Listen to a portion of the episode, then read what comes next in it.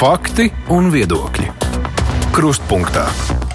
Studijā Mārija Ansone. Svarīgi notikumu gada dienās mēs mēdzam domāt par to, kā šie notikumi ir mainījuši valsti un arī mūsu apziņu. Šīs dienas kruspunktā lielajā intervijā mēs runāsim gan par demokrātiju, gan vēstures un vēstures zinātnes nozīmi nākotnes veidošanā. Mūsu studijā ir vēsturniece Ineta Lipša. Labdien! Labdien. Uh, intervijā kolēģiem Latvijas radio jūs pirms kādu pusgadu minējāt, ka savā laikā studējot esot, esat mācījusies to alternatīvo vēsturi, nu, kur mēģina kā, uh, iedomāties, kā būtu, ja būtu. Runājot par 15. māju, jūs esat domājusi par to, kā būtu, ja būtu. Nu, tā domāju, gan es e, tiešām neesmu par 15. māju tādā kontekstā, bet, e, bet e, šīs visas alternatīvās vēstures, nu, teiksim, tāds speckursiņš, tas bija tāds maziņš, nebija tādas dziļas zināšanas par to, bet tas, protams, mudina savādāk paskatīties uz kaut ko, kas ir noticis, vai arī, nu, teiksim, tagad, tagad nevērtē kaut kādas versijas. Nu, un, ja tā skatās, kas tad ir noticis 30. gadu otrajā pusē, visā Eiropā ir šīs autoritārās valdības, faktiski faktiski valsts apvērsumi, e, režīmi, autoritārie režīmi ir pie varas. Es domāju, ka arī pat, ja Ulmans neuztaisītu šo apvērsumu 34. gada 15. maijā, kaut kādas iespējams, e, kaut kādas e, turbulences Latvijas politika tik un tā būtu spiesta pārdzīvot pēc tam 30. gados. Bet, nu, pētot šo laika posmu, jūs, nu, rakstot grāmatu par grozāmajiem sarakstiem, par sieviešu organizācijām, uh, lasījāt daudz avīzes, noteikti jutāt arī sabiedrības noskaņojumu. Nu, tajā laikā bija pieprasījums pēc uh, tādām autoritārām idejām tieši sabiedrībā. Cilvēkiem to vajadzēja. Mm, ko nozīmē autoritārām idejām? Teiksim, nu, tāda spēcīga valdība, kas sakārtotu lietas, protams, tā, es domāju, ir mūžīgi aktuāla tēma. Jebkurā laikā un jebkurā sabiedrībā ir viena sabiedrības daļa, kas, eh, kurai šķiet, ka viņi zina, kā ir pareizi, bet ko līdz kāds eh, sāk kaut ko, kaut ko darīt, tad uzreiz rodas, eh, nu, protams, ka pat tā pati daļa jau kļūst neapmierināta. Bet, ja runā par tādām konkrētākām lietām, tad, protams, ka jau 20. gados bija šis te Arved Bērga Nacionālās apvienības e, sauklis, nu, ka satversme neiet un ka mums vajag tautas vēlēt prezidentu. Un, un, un, un tā tad arī šīs diskusijas e, mediju telpā norisinājās starp dažādām avīzēm, kas mums jā, jāatcerās, ka 20. E, līdz apvērsumam 20. 30. gados šī preses, presa bija ļoti, ļoti dažāda. Mums bija ļoti, katrā partijā gandrīz bija nu, lielākai, nopietnākai partijai, bija kāds savs preses izdevums, un vai nu tā bija dienas avīze, vai tur ik pārdienas, vai reizi nedēļā. Un nevis bet, tāds biļetens tā kā mūsdienās, bet jā, kārtīgs dienas laikraksts. Jā, ar žurnālistiem. Nu, mēs jau nezinām, cik liels honorārs tur maksā, un varbūt, ka paši partijas biedri viņu pierakstīja, jo neviens mums, mums diemžēl, nav tādi pamatīgi detalizēti preses vēstures pētījumi.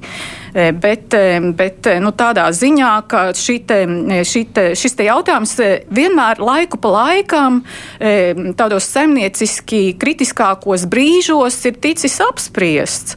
Nu, un, un, un, un, un arī debats parlamentā un tā tālāk, jo šīs krīzes jau Latvijā nu, faktiski jau viņas ik pa laikam bija, ja mēs tagad skatāmies piemēram, uz mūsdienu situāciju, kad ir šis karš Ukrainā un mēs atkal dzīvojam tādā tā kā krīzes, krīzes tuvumā vai krīzes situācijā, nu vismaz, vismaz teiksim, ideoloģiskā ziņā.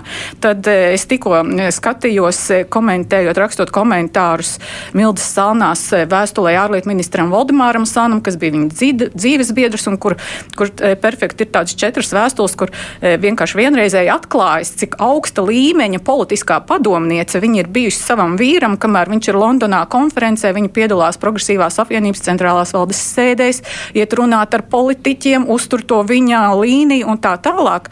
Un tas ir ārkārtīgi interesants laiks, 33. gada vasara, un velkot paralēlus, piemēram, ar mūsdienām. Tas eh, ir, ir eh, valdības krīze tajā laikā, jūnijā, un arī notiek 8. dziesmu svētki, 17. un 19. jūnijas. Nu, var sakot, tāda, tāda uh, dīvaina vizionāra situācija. Tu lasi 33. gada vasaru un iedomājies tagad. Jo, piemēram, valdības krīze ir notikusi tāpēc, ka izglītības ministrs Atis Čeniņš ir atkāpies no amata. Tāpēc, ka valdības pieņemto nu, teiksim, likuma grozījumus, kas paredzētu, ka minoritāšu arotskolām un vidusskolām vairs nepiešķirs valsts budžeta naudu, bet viņiem būs jāmācās kopā ar latviešiem, tā teikt, arotskolās un gimnāzijās, kur valsts valoda ir latviešu valoda, un lūdzu nākiet, ebreji, nākiet, poļi, nākiet. Šī, šī ir tā apbrīnojamā paralēle, ja? un mums ir tā nacionālā valdība tajā brīdī, un, eh, un, un koalīcija ir nacionālā, ir demokrātiskais centrs, no kur nāk Atis ķeniņš, ir progresīvā apvienība, kur ir Milda, Sal, Milda Salnā, Valdemārs Salnais, protams, Zemnieku savienība, var sakot, mums ir nacionālā koalīcija, kur nav minoritāšu balsis, un ir budžeta pieņemšana. Un tāpat kā tikko mums bija budžeta pieņemšana. Un kas ir, protams, saimnieciskā krīze, 33. gads ir atskaņas. E, Budžeta politikā tas galvenais e, sauklis vai galvenā tendence ir uz budžeta, e, budžeta samazināšanu. Kā mums e, samazināt budžetu, lai viņi nobalansētu? Un, e, viņi pieņem budžetu 140,7 miljonu apmērā, un mēs pieņēmām 14,7 miljardu apmērā. Mēs varam iedomāties, e, teiksim, kādas ir tās milzīgais progress tautsēmnieciski, kādu mēs Nu jā, esam bet, nu, naudas vērtība ir cita tomēr. Un, un, un, un, un, tādā, un, un šo te, mm, šo te e, nacionālā koalīcija nevar nodrošināt saimā balsojumu un nepieņem šos ķēniņa virzītos grozījumus par to, ka lai minoritātes nāk mācīties e, vidusskolu gimnāzijās pie latviešiem, visi kopā mācīsimies, jo tas apsvērums ir tieši tāds. Tas ir valsts drošības jautājums. Tu lasi tos citātus, un tas ir viens pret viens ar to, ko mēs tagad sakām publiskajā telpā. Tas ir valsts drošības jautājums. Ja citautieši nāks mācīties mūsu humanitārās gimnāzijās, viņi mācīsies e, e, tos pašus, nu, teiksim, literātus, nu, to pašu diskursu apgūs, ko apgūstam latvieši. Mēs tādā veidā tuvināsimies, jo, redziet, ir arī 3. gads un nacistiskā Vācija, kas ir arī paralēls konteksts.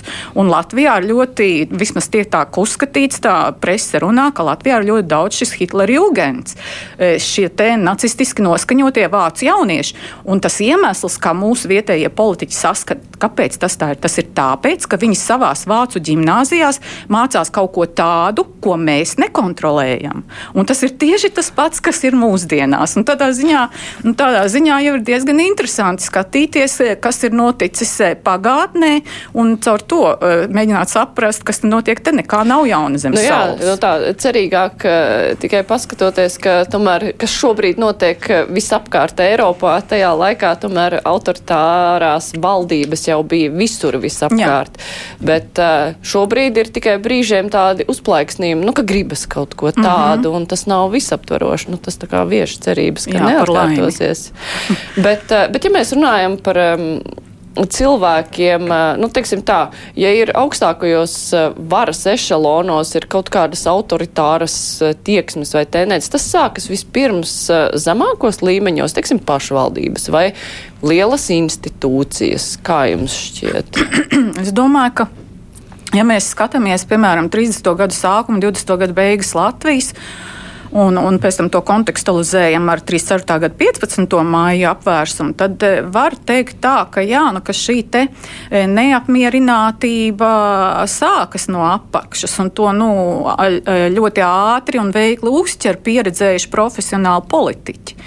Tāpēc viņi arī ir politiķi, lai uz, uzķertu teiksim, tās idejas, uz kurām viņi var iebraukt Baltā zirgā nākamajā sasaukumā vai nu, kaut kā tam līdzīgi. Un, e, ja mēs skatāmies tad, e, pat šo te, nu, par e, tautas vēlētu prezidentu un tā tālāk, nu, piemēram, Latvijas atvaļināto karavīru biedrība, nu, nosaukums nav precīzi, precīzi neatceros no galvas, bija tādas nu, teiksim, sabiedriskās organizācijas, kas aicināja, kur bija neapmierināti ar esošo politiku.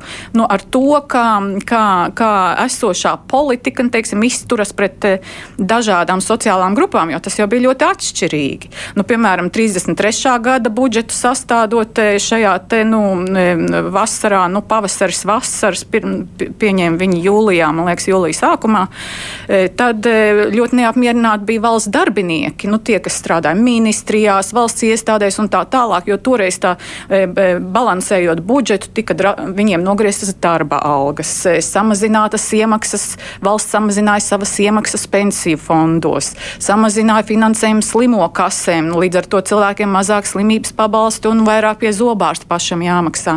Apmēram tādas lietas, nu, nu, nu, bet tas, un līdz ar to nu, mēs jau varam teikt, ka jebkurā laikā vienmēr ir kaut kādas sociālās grupas, kas ir neapmierinātas. Un ja viņas spēja organizēties, nu, piemēram, tāda Latvijas atvaļināto karavīru biedrība, nu, tie ir uh, cilvēki, vīrieši, kuri ir karojuši, kuri, nu, kuriem notiek nu, savā ziņā regulāri pasākumi, kur pulcējas un arī viņi apspriež un viņi var, kā saka, bīdīt to savu ideju un mēģināt meklēt tai lobbyus. Vai, piemēram, 20. gada 18. marta tā teikt apkrāpto noguldītāju biedrība. Tie, tie ir cilvēki, mēs zinām, ka Latvijas valsts faktiski pašā sākumā, ka mēs nodibinājām savu valsti, tad vieni no tiem, nu, savā ziņā pirmajiem likumiem, kas regulē to saimniecisko kaut kādā veidā politiku, bija, nu, Krievijas impērijas laikā, pirms Pirmā pasaules kara, Latvijas iedzīvotāji bija noguldījuši ļoti daudz naudas vidzemes, kurzemes krābie, kredītbiedrībās, nu, respektīvi krājkasēs dažādās un tā tālāk. Tur bija runa par miljoniem. Un, e, un cilvēki bija arī ņēmuši kredītus. Bet tagad Latvijas valsts 20. gada 18. martā pieņēma tādu likumu, kad sanāca, ka cieši šie cilvēki, kur bija noguldījuši, bet tie kredītņēmēji, nu, kas, protams, bija namīpašumiem un saimniecībām un tā tālāk ņēmuši, ka viņiem faktiski šie kredīti tika atlaisti. Viņiem tik minimāla tā summa bija tā proporcija, kas jāmaksā, ka tas bija vienkārši smieklīgi. Un, e, un, un, un šie te neapmierinātie noguldītāji, tā sauktie, viņi organizēja savu biedrību, un viņi pat spēja tik tālu atkal organizēties, kas šķiet, ka tā bija otrā, trešā saima vai, vai trešā, ceturtā, pat vairs, laikam trešā, ceturtā saima, jo viņi 2008. gadā laikam nodibināja to biedrību jau.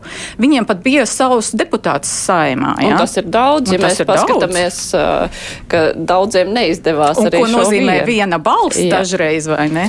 Un jā, tajā laikā tīpaši varēja izmantot šo savu mm -hmm. dažkārt zelta balsi.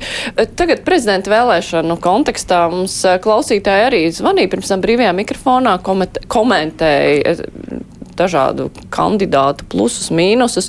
Tur arī izskanēja tāda ideja, ka būtu labi, ja mums būtu tauts vēlēts prezidents. Nu, konkrētajā gadījumā kundze domāja, ka tad noteikti viņai simpatizējušais kandidāts tiktu ievēlēts, bet eh, nu, arī šī diskusija, šī vēlme pēc tautas vēlētā prezidentā parādās arī tagad laiku pa laikam. Uh, kontekstā ar šo te grozāmo sarakstu īpatnību, kad varēja pierakstīt klāt kandidātu no citas listas, par ko arī pirms vēlēšanām bieži vien saka, ka tas gan bija labi, ka tagad gan es varētu uztaisīt ideālo sarakstu.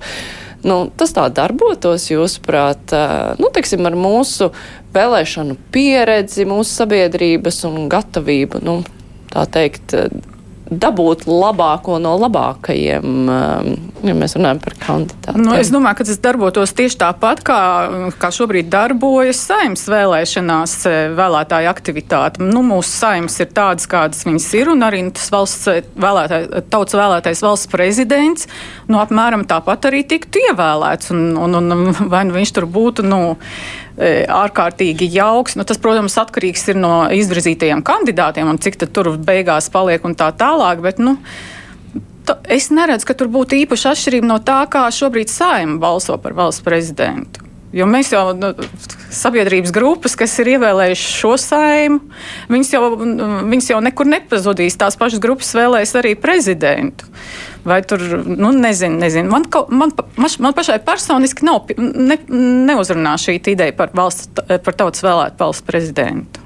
Bet nu, kopumā 15. maija nu, tā ir tā diena, kur vajadzētu ko pieminēt ar pacilātām emocijām, kā to atsevišķi politiķi dara, vai tomēr tas ir datums, kuru atcerēties kā nu, savu veidu zinības, mācība par to, nu, kas notiek, ja Es teiktu, viennozīmīgi, ka tā ir mācība par to, jo nu, valsts apvērsums, ko, uz, ko veicis, sarīkojis politiķis, pieredzējis politiķis, kuram bija ārkārtīgi milzīga loma un nopelni valsts dibināšanā, un vispār nu, tā loma, ko Ulman, kas Ulmanim bija un ko viņš godam iznes Latvijas neatkarības kara laikā, nu, nav, vien, nav otra tāda politiķa.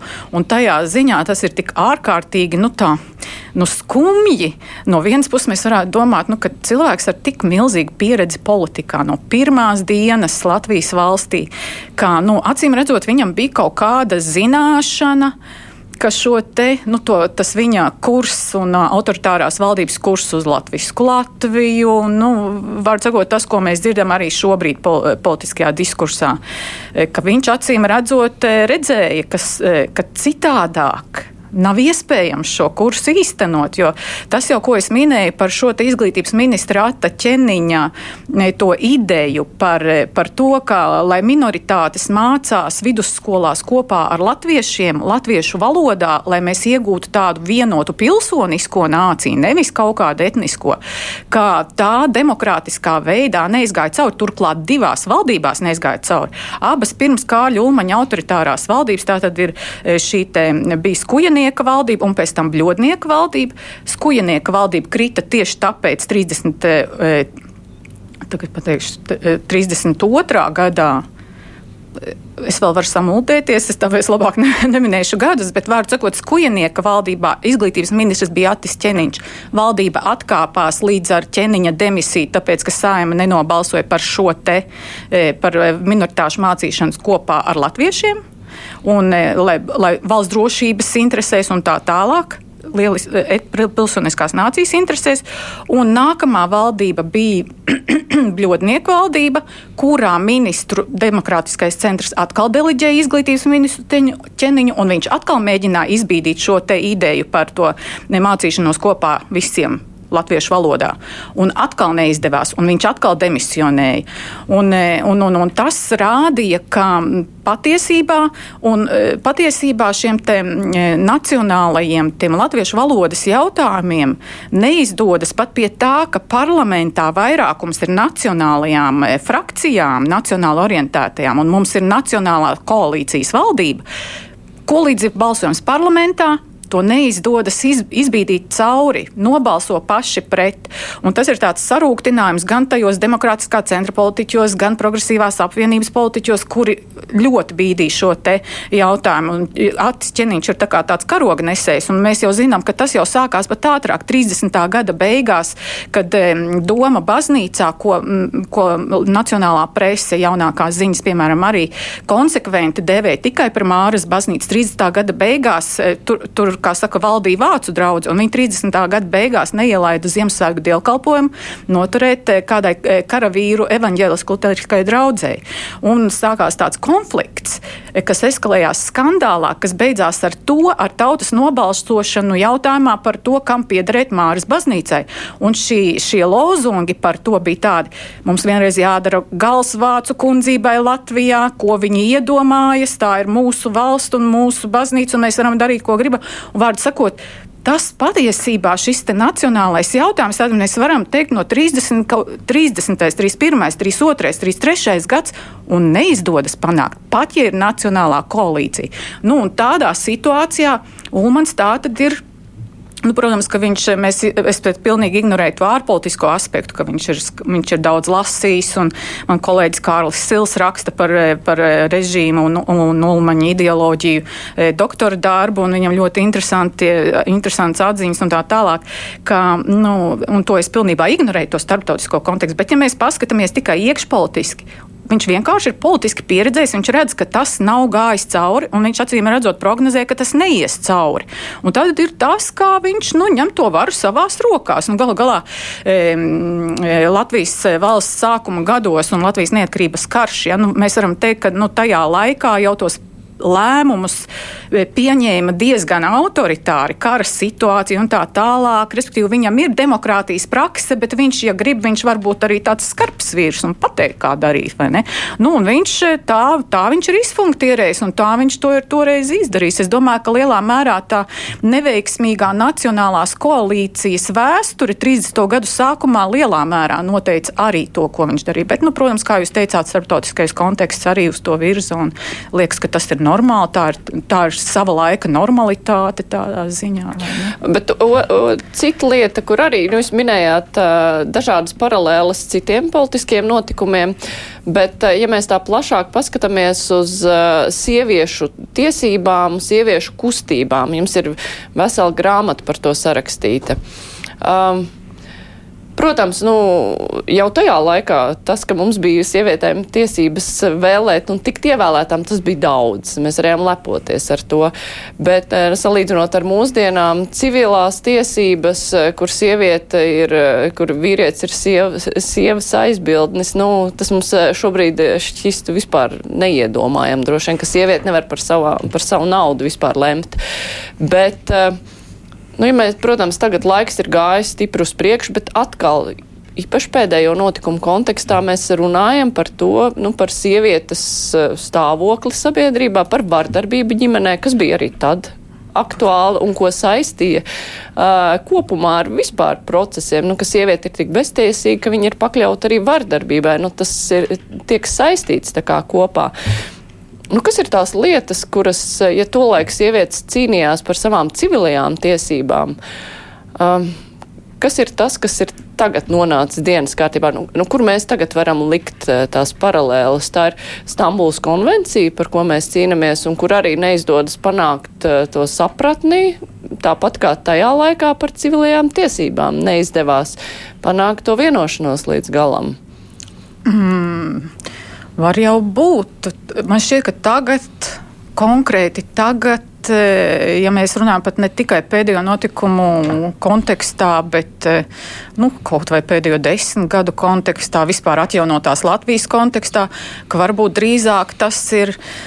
Tas ir nu, lai tos likumus, kas ir uzrakstīti un kas izskatās tik ļoti skaisti un pareizi, lai viņus īstenot dzīvē. Un tas ir tieši tāpat kā nu, teiksim, šīs te Jēkabils Lapkavas lietā, vai ne? Kā, kā tiesas, prokuratūras, visas šīs iesaistītās iestādes. E,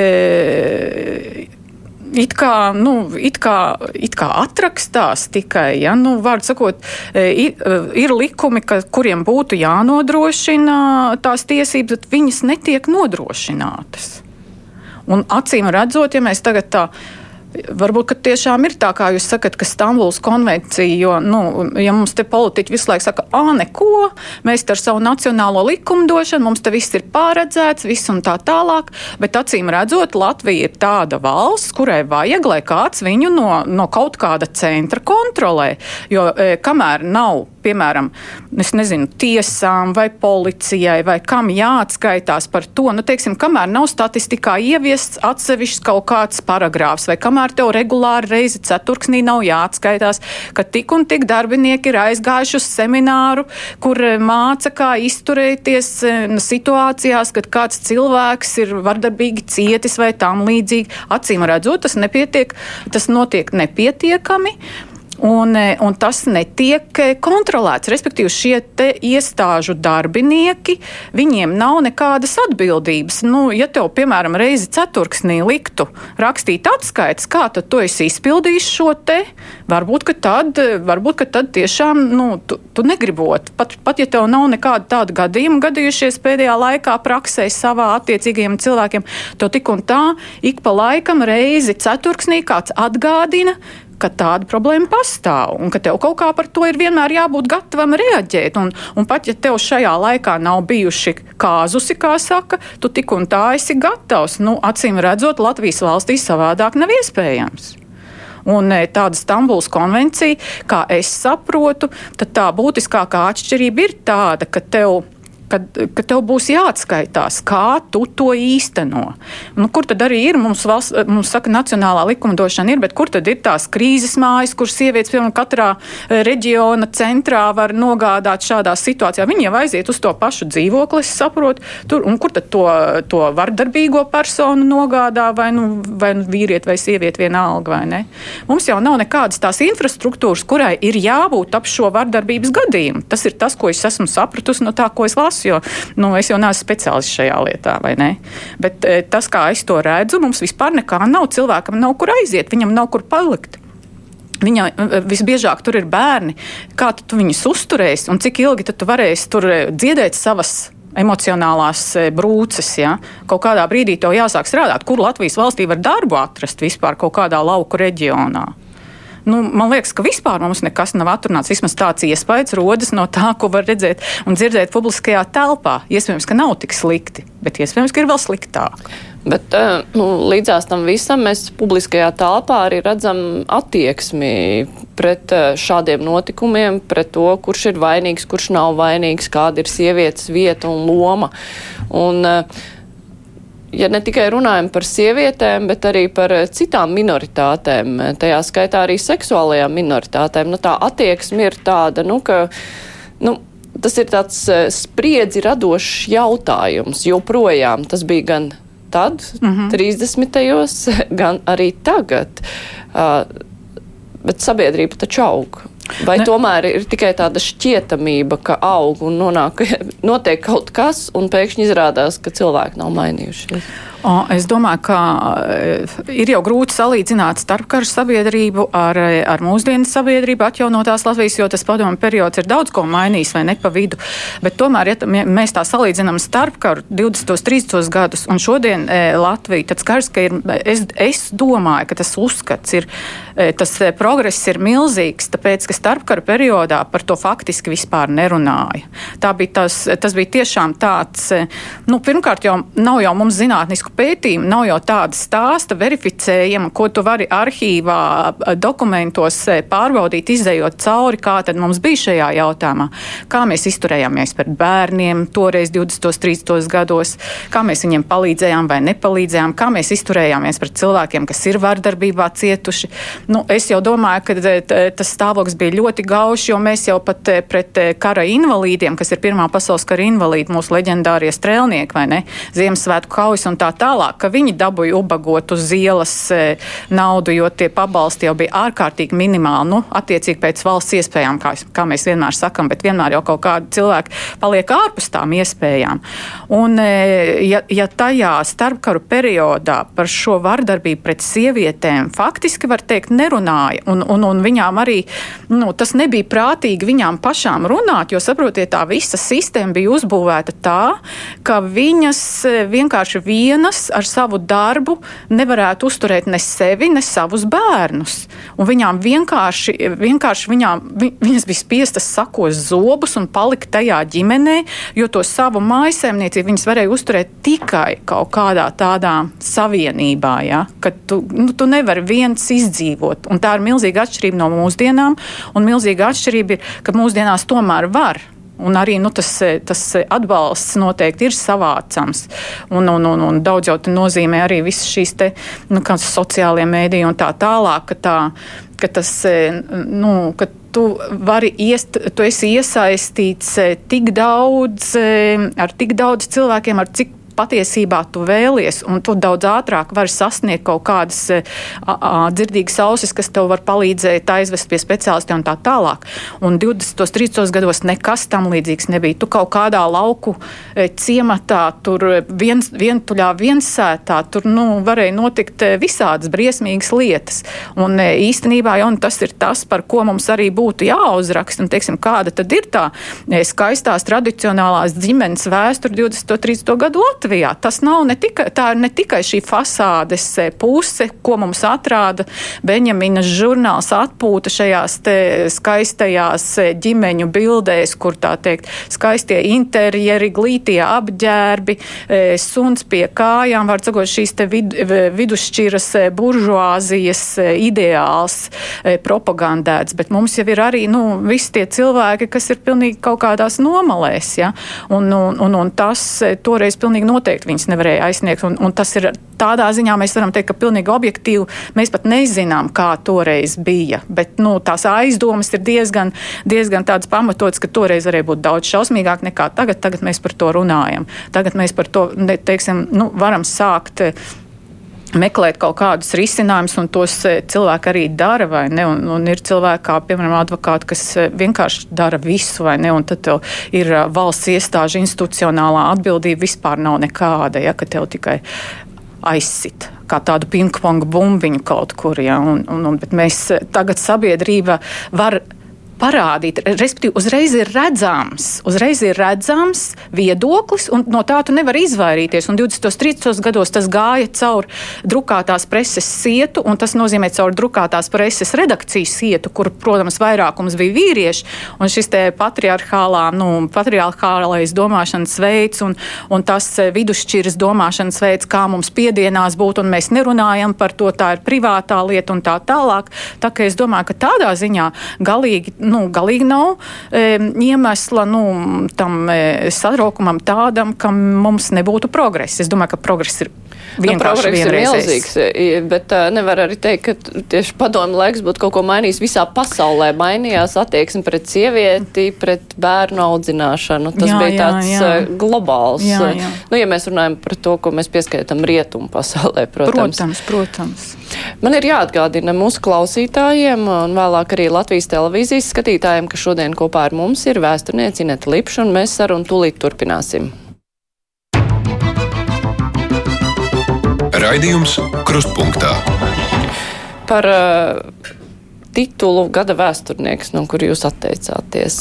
Jūs uh, atteicāties no tā, lai pievērstu uzmanību vēstures zinātnes finansēšanai, pareizāk sakot, finansējuma trūkumam. Tagad atskatoties, vai, nu, mērķis ir sasniegts, respektīvi, vai šī vēsts ir aizgājusi un uh, sapratne par to, uh, kādā stāvoklī vispār ir vēstures zinātnes finansēšana un ar ko tas draud, vai tas ir aizgājis tur, kur vajag šī vēsts, kā jums šķiet? Nu, es domāju, ka tā vēsts ir aizgājusi.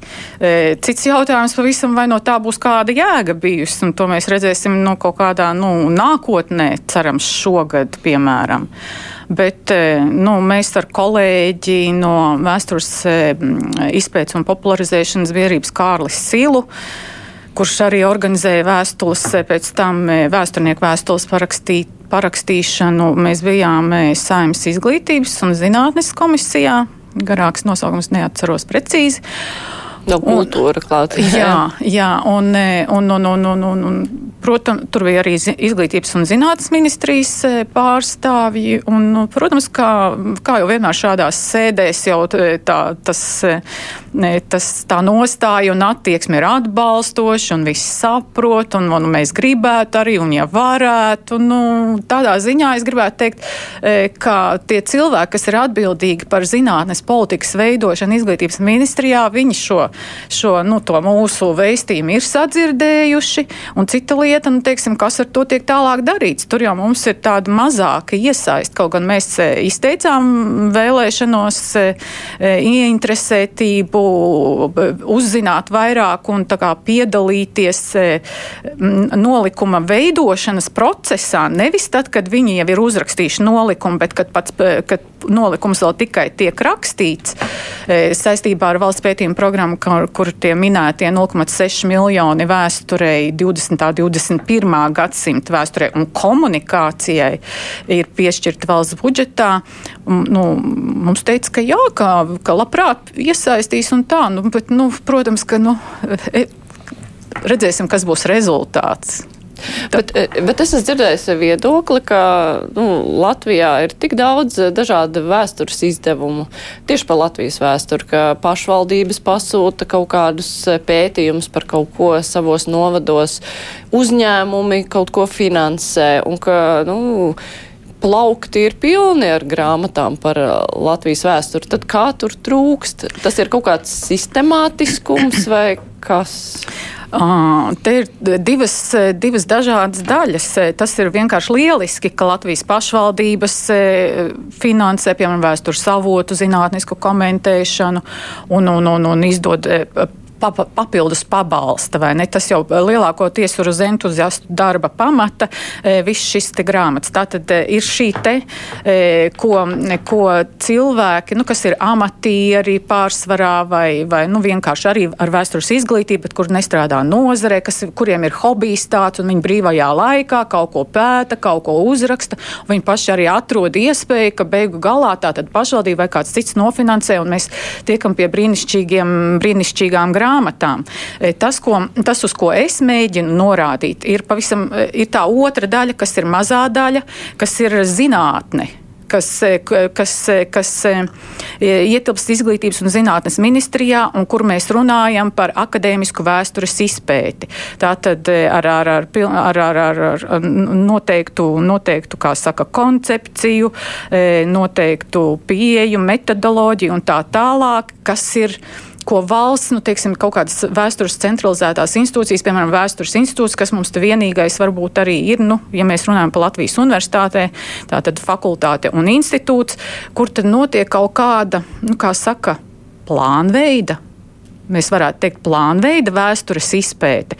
Un tā, e, tā, kas zinātnes, jo šī te visa lielā, ko jūs minējāt, visi šie pašvaldību finansētie un tam līdzīgi, un kultūras produkti neskaitāmies, šie te privātu mediju izdotie žurnāli un tā tālāk, e, kur es pat teiktu, ka tie ir apmēram 98, 99% no e, vēstures produkcijas, ja mēs tā varam runāt, ja mēs tā vispār varam apzīmēt. Tātad tie vispār, tie, tie ir izdoti, nu, kā kuram patīk, kuru kas interesē, un mēs te redzam, kas e, cilvēks interesē no apakšas, varētu teikt. E, tātad šajā akadēmiskajā vēstures izpētē mums būtu, nu, mums būtu nu, tā valstiski jāsaprot arī, uz ko mēs ejam, piemēram, valsts pētījuma programma, nu, ka nu, mums ir 20. gadsimta šie te Latvijas vēstures e, ķieģeļi sējumi izdoti līdz tagad jau līdz 65. gadam, vai mums būs nākamais padomi periods 60. 80. gadi. Bet šajā te e, akadēmiskā vēstures izpētē, ko es domāju, tas ir tā zinātne, kas kurai mums ir jāiet uz šo starptautisko konkurētspēju, uz iesaisti starptautiskajā zinātnē. Un tur ir pavisam citi principi, kur, kur diemžēl šīs grāmatas, kas tiek izdotas un kur mēs varam izlasīt skaistus, brīnišķīgus stāstus, varbūt nevienmēr pamatotus, tā kā mēs gribētu akadēmiski, kā būtu vajadzīgs akadēmiskā, akadēmiskā vēstures izpētē un tā tālāk, bet eh, viņi ir dažādas versijas un tā tālāk. Cilvēki, kā viņi gribēja, tā viņi izdarīja tas ir viņu, tas ir viņu privāta iniciatīva, un eh, ja es to varu panākt, kad viņš nofinansēts un nopublicēts, tad tāds arī ir. Bet šai, šai kur mēs runājam par eh, zinātnes universitāti un eh, vēstures akadēmisku izpēti, tas, tas nozīmē, ka mums kaut kādam daudzumam šo te vēsturnieku, kas strādājam zinātniskajos projektos, ka mums ir jābūt starptautiski konkurētspējīgiem, ka mūsu darbam ir jābūt starptautiski recenzētam. Piemēram, šos 90 98% nevien, nu, faktiski viņi ir nerecenzēti. Vārdu sakot, mums šeit ir šajā spēles laukumā ir pavisam citi noteikumi.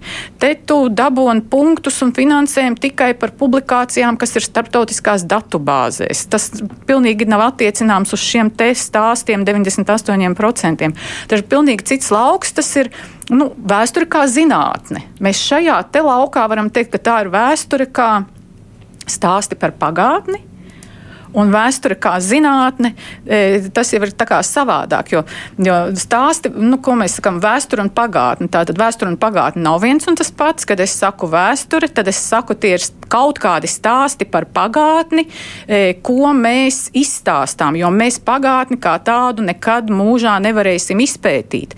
Tas jau mēs, mēs jau rītā, mēs jau šovakar nevarēsim uzrakstīt, ko mēs katra šodien esam darījuši, kas ir bijis svarīgs, un pēc tam iedomājieties, cik Latvijā Latvijā cilvēku, un mēs pat, pat vienu minūti Latvijas vēsturē šodien nevaram nekad izpētīt, un katru reizi tā būs cita. Tāpēc tās, tāpēc vēsturnieks akadēmiskajā zinātnē, viņš paņēma kaut kādu fokusu. Viņš saka, tā, es tagad skatīšos tikai, es, piemēram, skatīšos tikai, kā sieviešu līdzdalība politikā parādās kaut kādā laika posmā. Un tad tu noraducē vēl uz mazāku, vēl uz mazāku un pamato, kādā veidā tu kaut ko darīsi. Tu neraksti vlasti kaut ko visu faktu klāstu, ko tu atrodi pat ja tas ir ļoti interesants. Tu to paliec maliņā. Jā, es uh, nesen lasīju arī Mārtiņa Mintora grāmatu. Viņš savā ievadaļā uh, arī minēja, ka vēsture tā nav visa pagātne, bet gan uh, kaut kādi notikumi, kurus pētnieks ir atzinis par, es te tā aptuveni citēju, nu, par, vai sabiedrība ir atzinusi par interesantiem kaut kādu iemeslu dēļ, un, nu, kas vispār ir pamanīti. Bet, nu, katrā ziņā šī vēsture tiek uh, izpētīta izpētīt atbilstoši savām un sabiedrības interesēm. Šā brīža sabiedrības. Jā, tieši tā, šā brīža sabiedrības interesēm. Bet tas nozīmē, ka mēs varam veidot vēsturi, nu, kā vien gribam. Un, nu, tā vēsture var ārkārtīgi atšķirties par vienu un to pašu, skatoties no tā skatu punkta, kur mēs atrodamies, vai tas nu, pētnieks, kur atrodas gan laikā, gan vispārējos uzskatos. Nu, tie stāsti, protams, tie stāsti, ja mēs tagad skatāmies, piemēram, parlamentārā demokrātija, tie stāsti būs ļoti atšķirīgi. Piemēram, nu, pieci vēsturnieki tagad pētīs e, e, to savu, to savu skatījumu, nu, kāpēc Nu, kāpēc Ulmans, piemēram, 15. maijā mēģināja taisīt apvērsumu? Nu, es teikšu nu tā, mani interesē, teiksim, dažādu sociālo grupu, nu, teiksim, mani interesē taisnīguma, netaisnīguma principi sava laika politikā, kā cilvēki to ir vērtējuši, piemēram, no etniskā viedokļa. Tad tātad viens cilvēks skatās kā vācieši, tur ebreji vai paši latvieši ir reaģējuši, kur, kur ir bijuši tie mezgla punkti, uz ko viņiem ir uzsprāgušas emocijas, un viņi ir nu, gānījušies vai nu, debesīs cēluši kādu. Mēs tādā veidā identificējam tās problēmas un skaties caur etnisko prizmu. Vēl viens teiks, es piemēram teikšu, nē, svarīgāk ir skatīties eh, kaut kādas sociālajā aspektā, nu, piemēram, trūcīgo cilvēku, teiksim, nu, vai, vai, vai nodefinēsim, kas toreiz bija trūcīgie eh, vai masturīgie, un, un kā viņi skatījās, un kā viņi jutās, un, un kā dažādas, piemēram, kā dažādas sociālas vidusšķira, piemēram, tur preses magnātu aprindas, vai, vai, nu, vai žurnālisti, vai kultūras darbinieki, vai valsts iestāžu darbinieki skatīties, kā dažādas, nu, kas, ko mēs varētu nodefinēt, ko tu savā pētījumā nodefinē, ka tu izvēlies, tu nevari visu, tu, piemēram, izvēlies trīs grupas. Es skatīšos, kā tās trīs grupas skatās. Tad vēl trešais skatīsies, ah, nu, bet mums ir rūpniecība svarīga, lauksaimniecība svarīga. Skati, viens skatīsies, kā rūpniecības, nu, teiksim, gan, gan, gan šie īpašnieki, gan vispār rūpniecības attīstība, kā tā laika politika ir vedusi uz kaut ko un, un kaut ko ietekmējusi. Un tādā veidā mēs iegūstam iegūstam piecus stāstus. Viņi visi būs atšķirīgi, bet viņi visi būs pat nu, balstīti ver, verificējamos, nu, saka, faktos, par kuriem jebkurš aizejot uz arhīvu, tā strādā vēsturnieks, ka mēs dodam atsauces, un jebkurš Latvijas iedzīvotājs aizejot uz arhīvu vai uzšķirot periodikā uz kādu konkrētu avīzi, viņš pārliecināsies, ka jā, tas tā bija. Mēs nestāstam stāstus tā kā nu, pasakas no galvas, vai ne? Un visi šie te piecas versijas, visas būs pareizas, un viss teiks, nu, lūk, lūk viss šīs tendences virzīja kaut kādu sava laika politiķi, piemēram, Kārlu Ulmani un viņa sabiedrotos, pieņemt, izšķirties par to lēmumu. Un viens cilvēks to nevar izdarīt. Un mums vispār, nu, vispār ja mēs skatāmies vēsturē e, par to, par to, ko mēs zinām par pagātni, tad Latvijā tā situācija ir vienkārši šausmīga. E, mūs vienmēr salīdzina, nu, tendence salīdzināt, nu, piemēram, ar Lielbritāniju, Franciju, Vāciju, tā kā tām saucamām normālajām Eiropas valstīm, kurās vēsturi rakstīja jau 200 gadus. To to normālo pozitīvisma vēsturi, kur faktiņi visi izklāstīti. Tas viss jau ir uzrakstīts. Mums nekā gandrīz tāda nav. Mums tagad katru reizi no jauna ir jāmēģina savā pētījumā e, e ieintegrēt arī tos nēsošos 200 pieredzes gadus, kuru mums nav. Ja? Un kur, e, kur, kur, kur tagad. E, nu, cilvēki, nu, pētnieki, e, piemēram, skatās tās mikrovēstures vai kaut kādas, un tā, un viņiem tie fakti nav jāmeklē. Viņš paņem ķieģeli no, no grāmatu plaukta, un te viņiem tur viss ir sarakstīts. Tajā gadā datumā pa stundām sarakstīts, kas ir noticis.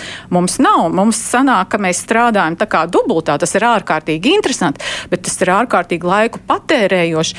Un e, vienkārši, manuprāt, nu, ir daudz cilvēku, kur to nesaprot. Kad, nu, piemēram, piemēram, ja mēs skatāmies, kas mantūtējam seksualitātes vēsturi, piemēram, 20. gadsimtā vai tāpat sieviešu vēsturi, e, cilvēkiem mēdz būt tāds maldīgs priekšstats, ka tu aizej uz arhīvu, re, kur ir plauktiņš, un te ir salikts Latvijas sieviešu vēsturi tajā un tajā gadā. E, nu, piemēram, e, cīņa par daudz bērnu ģimeņu pabalstiem. Lūk, re, kur viss ir.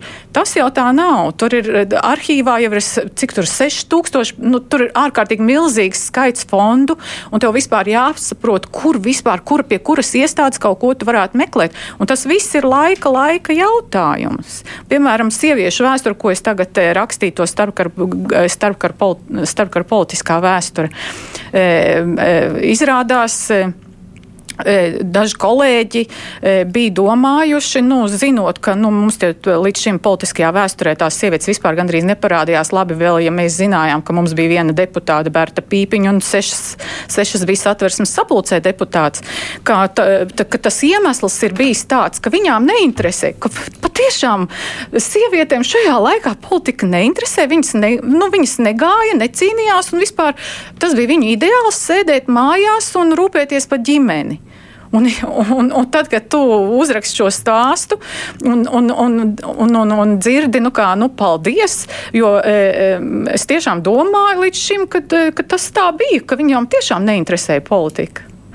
Un tad tu saproti, ka, nu, ka mums tik daudz kas nav izpētīts, un kad, ka, teiksim, lai tai domāšanai dotu barību kaut kādu mūsdienās, kur tu kontekstualizēt vari ar to, kas notiek tagad, ka, ka ir vēl tik daudz, kas ir jāpēta. Nu? Un, un.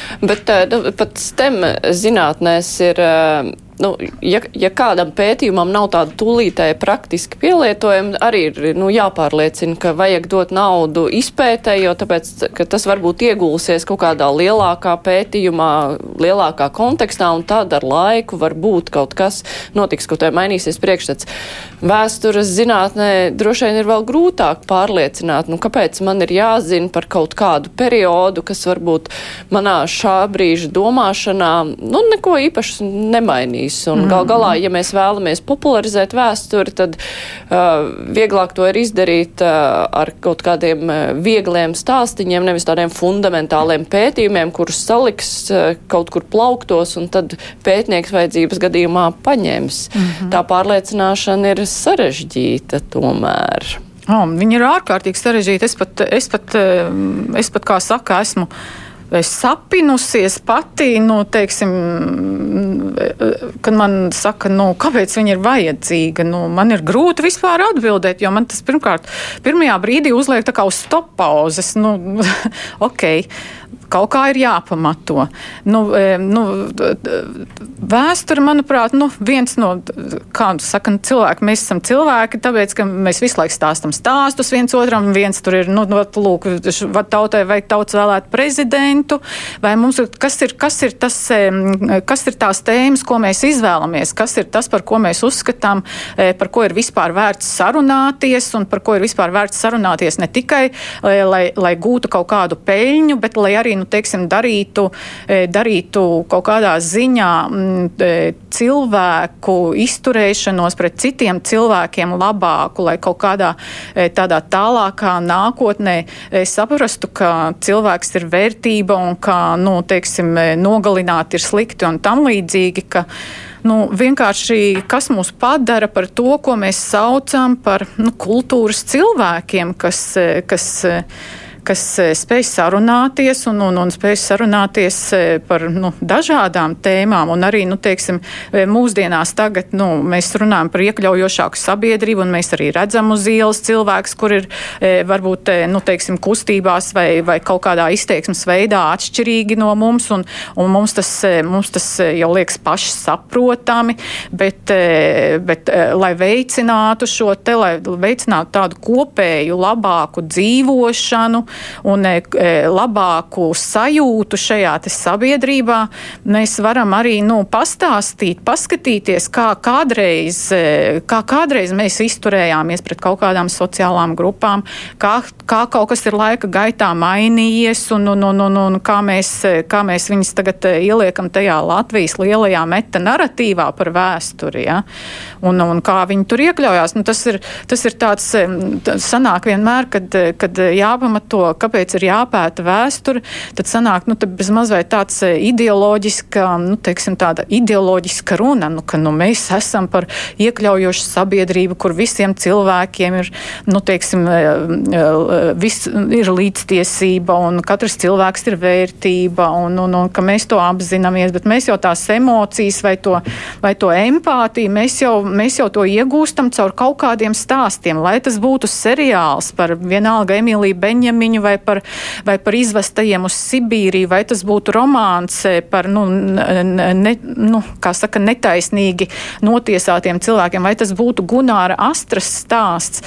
Tas viss ir vērsta kā uz to, ka mēs iejūtamies viņu, viņu, nu, viņu situācijās, ka mēs līdzi jūtam un ka tas mūs kaut kā liek mums pašiem mainīt savu uzvedību vai attieksmi pret dzīvi, un lai šie visi te stāsti, ko mēs stāstam, lai tās nebūtu pasakas, jo var jau būt, ka Latvijas valstī pietiek, nu paņemsim, nu, Latviju tautas pasakas, un balstoties uz tā, tām arī tagad taisīsim visus nākamos, un, teiksim, mūsu, mūsu vīzijas un, un, un arī stereotips un, un, un vienalga ko, un ka mums nav vajadzīgas zināšanas, ka mums pietiek ar kaut kādu mītisku jaunradi. Bet, nu, es domāju, ka nu, mēs jau esam tik tālu, e, kā saka, jau tādā laikā dzīvojam, tik tālu izglītojušies, ka e, esam izglītoti, ka nu, ar to ir pamaz. Nu, piemēram, lai, lai, lai veidot šos seriālus, rakstītu grāmatas,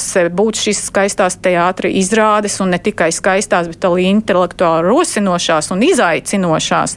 Tev ir jābūt pamatā zināšanām, un šīs jaunās zināšanas spēj dot tikai, ja mēs runājam par pagātni pagātnes akadēmiska izpēte, kas balstās šajos faktos, jo nu, tad jau mēs varam arī par šo labo taisnīgumu sabiedrībā un tā tālāk iztikt ar bārenītes un, un, un, un, un, un, un, un, un, un viņas galu gal, galā triumfa kaut kādiem stāstiem, ko mēs varam paņemt no savas tautas pasakām vai no citu tautu pasakām.